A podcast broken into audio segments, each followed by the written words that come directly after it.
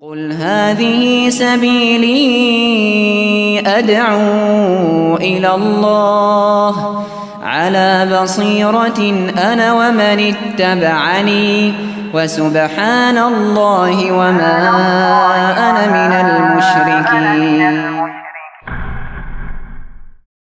بسم الله الرحمن الرحيم السلام عليكم ورحمة الله وبركاته الحمد لله والصلاة والسلام على رسول الله wa ala alihi wa man tabi'ahum bi ihsani ila yaumiddin. Allahumma inna nas'aluka ilman nafi'a wa rizqan thayyiba wa amalan mutaqabbal. Taib kita lanjut pembahasan gerakan dan bacaan sholat halaman 101. Dibaca. Gerakan dan bacaan sholat. Pertama, takbir.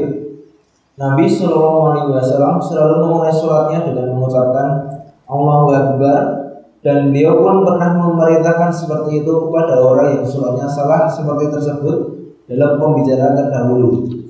Beliau bersabda kepada orang itu, sesungguhnya sholat seseorang tidak sempurna sebelum dia berwudu dan melakukan wudu sesuai ketentuannya. Kemudian ia mengucapkan Allahu Akbar. Sesungguhnya sholat seorang tidak sempurna sebelum dia berwudu dan melakukan wudu sesuai ketentuannya. Kemudian ia mengucapkan Allahu Akbar. Jadi ini jadi dalil memulai sholat dengan takbir. Takbir yang kita tadi sebut untuk memulai sholat ini sebut dengan takbiratul ihram. takbir untuk memulai sholat tadi kita sebut dengan takbiratul ihram. Artinya kalau kita bertakbir, yang dimaksud ini ucapan takbirnya ya. Kalau angkat tangan itu tadi sunnah. Namun kalau takbirnya ini Allahu Akbar, ini jadi rukun. Jadi rukun ketika memulai sholat. Maka kita takbir. Allahu Akbar. Nah yang dimaksudkan dengan takbiratul ihram, ucapan takbirnya. Sedangkan kalau angkat tangannya, pembahasan sendiri. Taib. Beliau bersabda, Beliau bersabda, kunci sholat adalah bersuci, memulainya dengan takbir dan mengakhirinya dengan salam. Kunci sholat atau pembuka sholat karena kunci tadinya pembuka ya. Pembuka sholat itu adalah bersuci. Memulainya dengan takbir dan nanti mengakhirinya dengan salam. Jadi mulainya dengan takbir. Allahu Akbar. Memulainya di sini tidak disebut dengan melafazkan niat. Namun memulainya langsung dengan tak takbir. Memulainya juga tidak dengan baca surat tertentu di awal dulu. Sebagian imam tuh mulai baca an-nas dulu min syarril waswasil khannas. Tujuannya supaya hilang dari waswas setan. Menghilangkan waswas setan. Tidak ada tuntunannya juga seperti itu. Langsung mulai dengan takbir angkat tangan. Allahu akbar. Terus Beliau bertakbir dengan suara keras sehingga terdengar oleh orang-orang di belakangnya. Atau makmum. nah takbirnya dengan suara keras. Sehingga makmum dengar di belakang. Terus Beliau bila beliau dengan sedang sakit, Abu Bakarlah yang membantu takbir Rasulullah Shallallahu Alaihi Wasallam dengan mengucapkan takbir dengan suara keras agar dapat didengar oleh makmum. Jadi Rasul takbir Allahu Akbar. Abu Bakar lagi keraskan Allahu Akbar. Kayak back sound gitu. Namun ini untuk membantu Rasul agar suara beliau sampai ke belakang. Karena ketika itu Rasul SAW sedang sakit. Nah jadi kalau sedang sakit karena suara nggak sampai ke belakang, maka ketika itu ada yang jadi penyampai suara. Abu Bakar ketika itu bertindak seperti itu. Nah ini juga jadi dalil bolehnya memakai pengeras suara. Ya dah? Ini jadi dalil juga bolehnya memakai pengeras suara. Apa alasannya? Fungsinya sama nggak? Sama nggak? Sama. Sebagian masjid ada yang nggak mau pakai pengeras suara sampai saat ini. Katanya bid'ah. Saya bilang kamu yang mengatakan seperti itu malah membuat bid'ah juga. Karena tujuannya sama. Yang jelas untuk menyampaikan suara sampai ke belakang. Adanya speaker-speaker ini tujuannya sama. Kenapa nggak dimanfaatkan? Kan ini cuma sekedar serana, bukan jadi inti ibadah. Cuma jadi sekedar sarana, bukan jadi intinya ibadah. Beda ya. Kalau sarana bebas. Kita pakai ini, mic. Ah, mic-nya saya pakai yang bagus lah. Terserah. Mau pakai speaker-speaker di tiap pojok masjid. Boleh. Itu sarana, bebas. Makanya tadi kita bahas mihrab, ini cuma sekedar sarana saja. Sebagai penanda, ini kalau tidak ada mihrab, orang akan sulit yang orang baru sulit mau menebak itu arah kiblat ke mana. Iya kan? Sulit akan menebak. Namun kalau dia masuk dia lihat, oh ada mihrab ini, ini di sini arahnya membantu cuma sekedar sarana. Makanya mimbar juga tadi tidak terlalu kita perluas sampai masalah bid'ah. Kenapa? Karena juga cuma sekedar sarana. Pokok pentingnya yang penting khutbah itu tersampaikan. Sama juga sebagian ulama mau bahas tentang garis soft. Ada yang nggak menyetujui hal ini. Sebenarnya tujuannya sama. Rasulullah SAW ketika mulai sholat, beliau itu luruskan soft terlebih dahulu. Kalau kita buat garis lebih memudahkan lagi. Itu cuma sekedar sarana. Bukan pokok ibadah. Cuma sekedar sarana saja untuk membantu. Yang jadi masalah jika ini dijadikan pokok. Ya, ada yang dijadikan pokok, itu yang masalah. Kalau cuma sekedar sarana, pakai baju, baju bebas. Ada yang pakai jubah ya monggo silahkan. Ada yang pakai baju kemeja juga ya monggo silahkan. Ada yang pakai model koko juga, monggo silahkan. Pecis juga ini cuma sarana, bukan inti ibadah. Cuma sarana. Mau pakai pecis nasional ya boleh, mau pakai pecis putih juga boleh. Apalagi model pecis lagi? Mau yang kayak si Bagas tadi apa itu? Hah? Kuplo. Yang pakai pulu kayak gitu juga ya, monggo silahkan. Ya. Terserah. Nggak ada larangan untuk itu. Bebas. Ya. Karena tidak diperketat. Untuk sarana semacam ini bebas kita. Yang penting ibadahnya itu jalan dan tutup auratnya itu ada. Nah terus satu lagi. Beliau bersabda, bila imam telah mengucapkan Allahu Akbar, hendaklah kamu sekalian mengucapkan Allahu Akbar pula. Lihat disebut fakulu Allahu Akbar. Imam mengucapkan Allahu Akbar. Kalau huruf fa ada di situ, maka maknanya langsung kita ikuti. Nggak nunggu satu menit, dua menit. Jadi kalau imam sudah takbir Allahu Akbar, makmum lagi angkat tangan lagi Allahu Akbar. Nggak ngobrol dulu dengan teman, wah ini gimana gimana gimana. Itu sudah tidak ada huruf fa berarti. Kalau fa yang dimaksud imam takbir Allahu Akbar langsung kita juga takbir. Namun fa di sini tidak menunjukkan berbarengan. Fa di sini itu adalah menunjukkan setelah itu dan tidak ada selang waktu yang terlalu lama. Setelah namun tidak menunjukkan waktu selang waktu yang terlalu lama. lama. Jadi langsung. Ya, jadi langsung. Jadi Allahu Akbar, mau langsung angkat tangan. Allahu Akbar. Dan ini juga jadi dalil memulai sholat itu dengan takbir, ucapan Allahu Akbar. Kemudian yang kedua, Dua, mengangkat kedua tangan.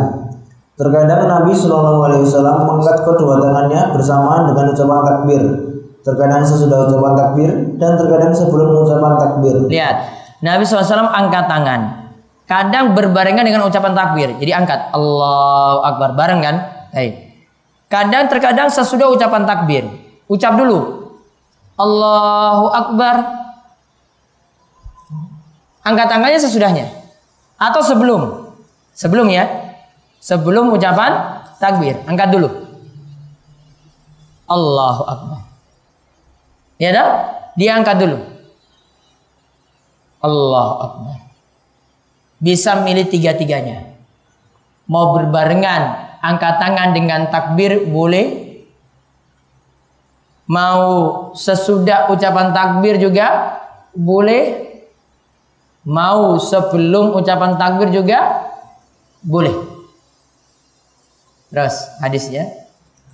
Beliau mengangkat kedua tangannya dengan membuka jari-jarinya lurus ke atas, tidak merenggangkannya dan tidak pula menggenggamnya. Lihat, beliau angkat kedua tangannya membuka jari-jarinya lurus ke atas. Tidak merenggangkannya. Ini renggang kan? Ini renggang. Jadi jadinya gini. Dan tidak pula menggenggamnya. Ini genggam. Jadi gini. Tidak gini. Sudah gini aja. Allahu Akbar. Buka itu maksudnya gini, bukan renggang. Eh bukan ini, ngepal. Ya. Allahu Akbar. Terus baca kan? Dan mengangkatnya se- sejajar bahu, tetapi terkadang se- sejajar daun telinga. Dan mengangkatnya sejajar bau. Nih, bau nggih? Allahu Akbar. Sejajar bau. Tapi terkadang juga sejajar daun telinga. Allahu Akbar. Riwayat yang lain sebutkan tengah-tengah ini. Atau pendapat sebagian ulama tengah-tengah. Antara telinga dan bau. Allahu Akbar. Yang jelas baiknya tidak turun dari pundak. Tidak gini. Ini turun dari pundak kan? Nah. Juga tidak di atas telinga. Ya, sudah terlalu tinggi. Jadi Allahu Akbar. Tahu sejarah pundak. Allahu Akbar. Ya. Lalu bersedekap. Tiga, bersedekap. Nabi Shallallahu Alaihi Wasallam meletakkan tangan kanan di atas tangan kirinya untuk Nah, bersedekap. lihat. Letakkan tangan kanan, tangan kanan di atas tangan kiri. Ya, kita bahas posisi ini dulu. Belum kita bahas letak. Hmm. Terus.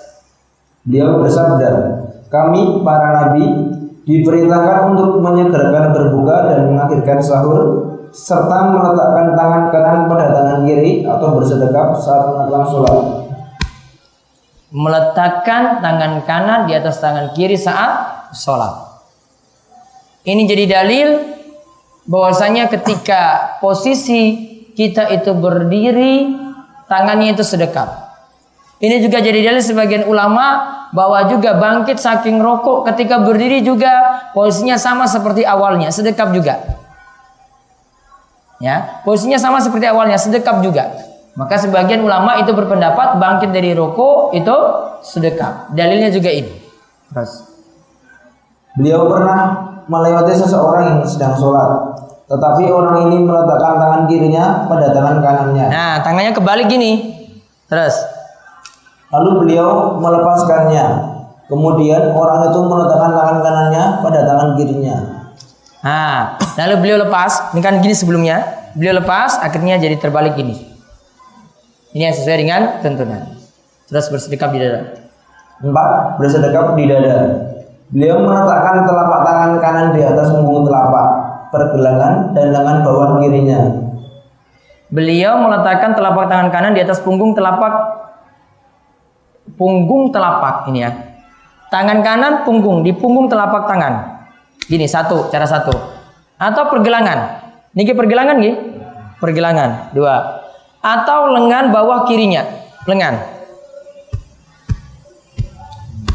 Jadi begini posisi letak tangan. Allahu Akbar. Boleh. Allahu Akbar. Boleh. Allahu Akbar. Boleh. Sampai sini. Gak sampai sini. Ini kan bukan lengan kan? Ya, di sini. Yang dimasukkan lengan bawah. Ini lengan bawah kiri. Ini. Ini lengan atas kan? Ini lengan bawah. Lengan bawah kirinya. Kalau ini kan lengan atas nanti jadinya. Ada. Ya gini. Jadi ini ya. Allahu Akbar. Tangan sini boleh. Boleh sini. Boleh sini. Ya, baik. Lanjut. Beliau menyuruh para sahabat- sahabatnya berbuat demikian. Tetapi beliau terkadang menggenggamkan jari-jari tangan kanannya pada lengan bawah kirinya. Tapi beliau terkadang menggenggamkan jari-jari tangan kanannya pada lengan bawah kirinya. Ini lengan bawah kiri kan? Beliau genggam gini.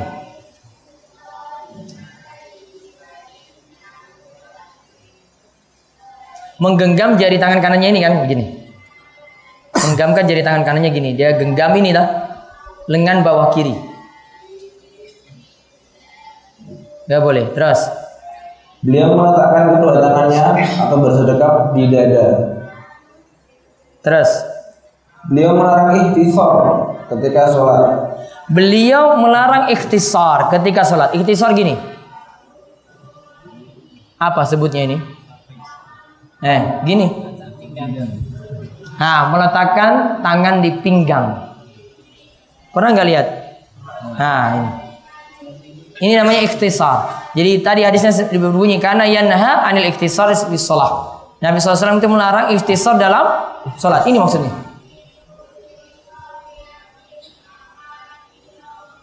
Adapun meletakkan kedua tangan bersikap di dada, bersedekap di dada.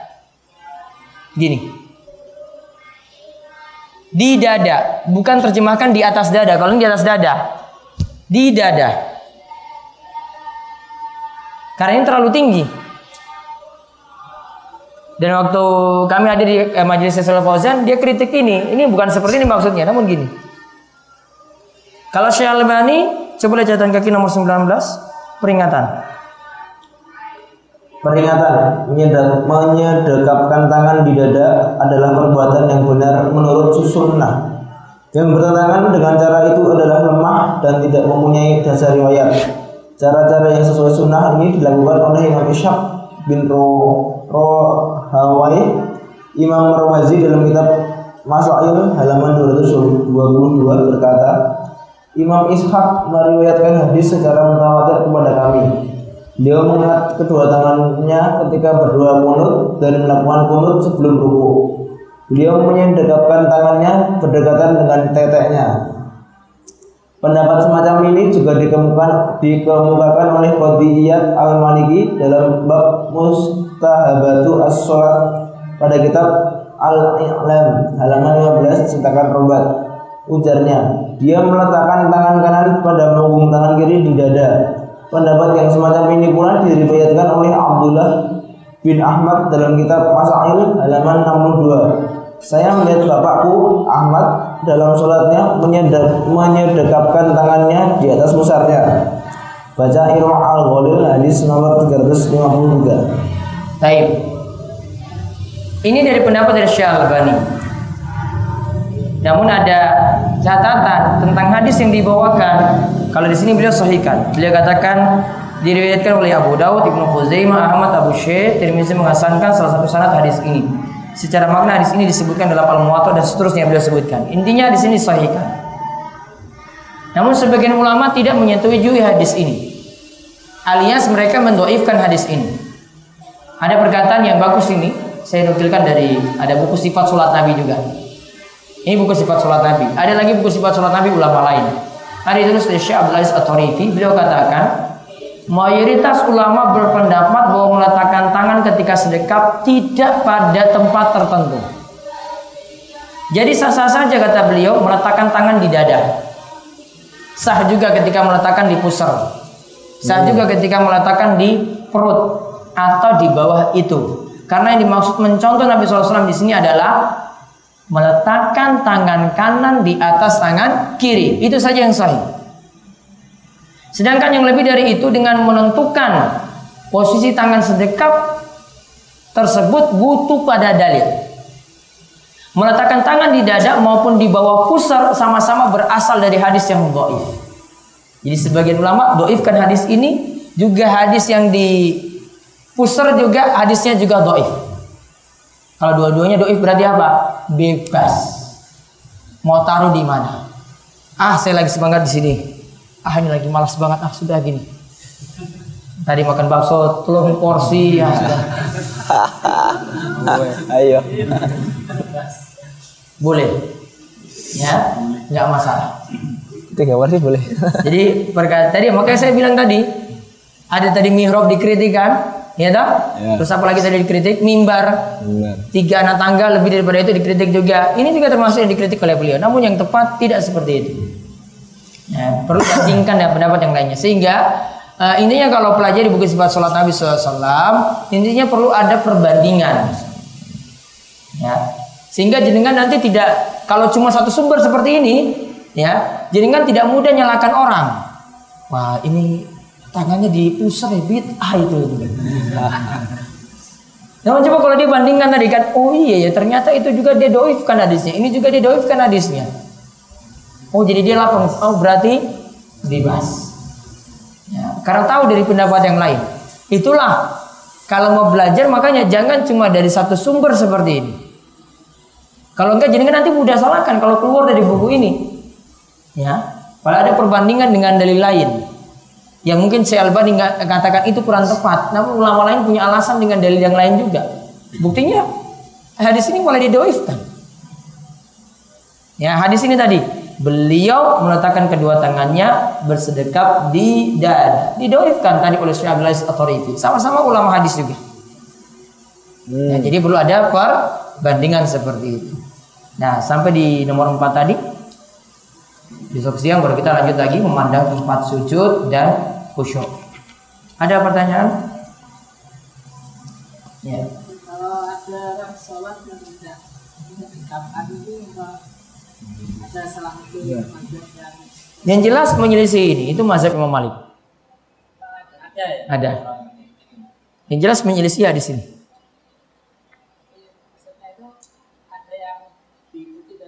Ada Imam Malik. Ada lagi? Jadi tangannya cuma mungkin Allahu Akbar. Irsal, tangannya diturunkan. Tidak bersedekap. Ya, ada lagi? Ya.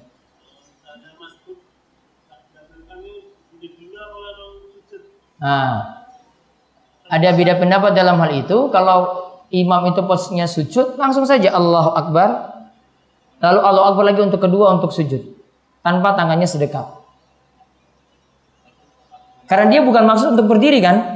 Dia maksudnya ikuti imam ketika sujud.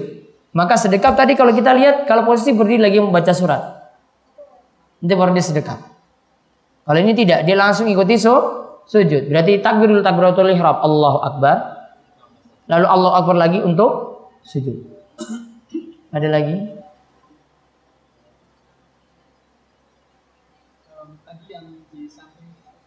Ihtisar. Ya.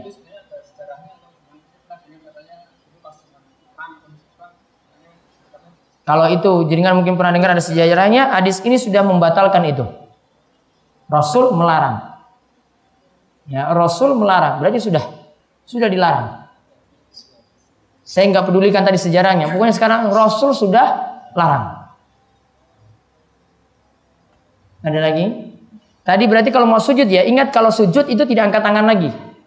Nanti saya akan jelaskan kaidah nanti untuk angkat tangan ketika ini nanti ada kaidahnya ini belum saya jelaskan. Besok siang aja angkat tangan. Kapan kita angkat tangan? Nanti akan penjelasannya sendiri.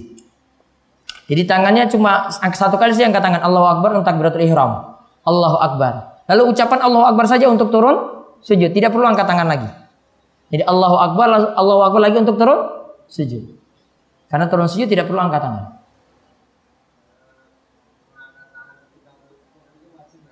Sunnah. Mengangkat tangan ketika turun rokok. Sunnah.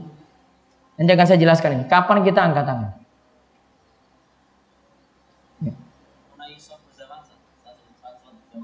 Soft saat sholat berjamaah itu terputus dari sholat berjamaah itu? Terputus dari sholat berjamaah misal kita di apa di, di bait ulama terus kita kebagian oh, posisinya penuh kita kebagian di luar di apa di ini nah, apakah dikatakan tertutup apa Baik. Yang jelas kita rinci sholat itu bisa di dalam masjid atau di luar masjid.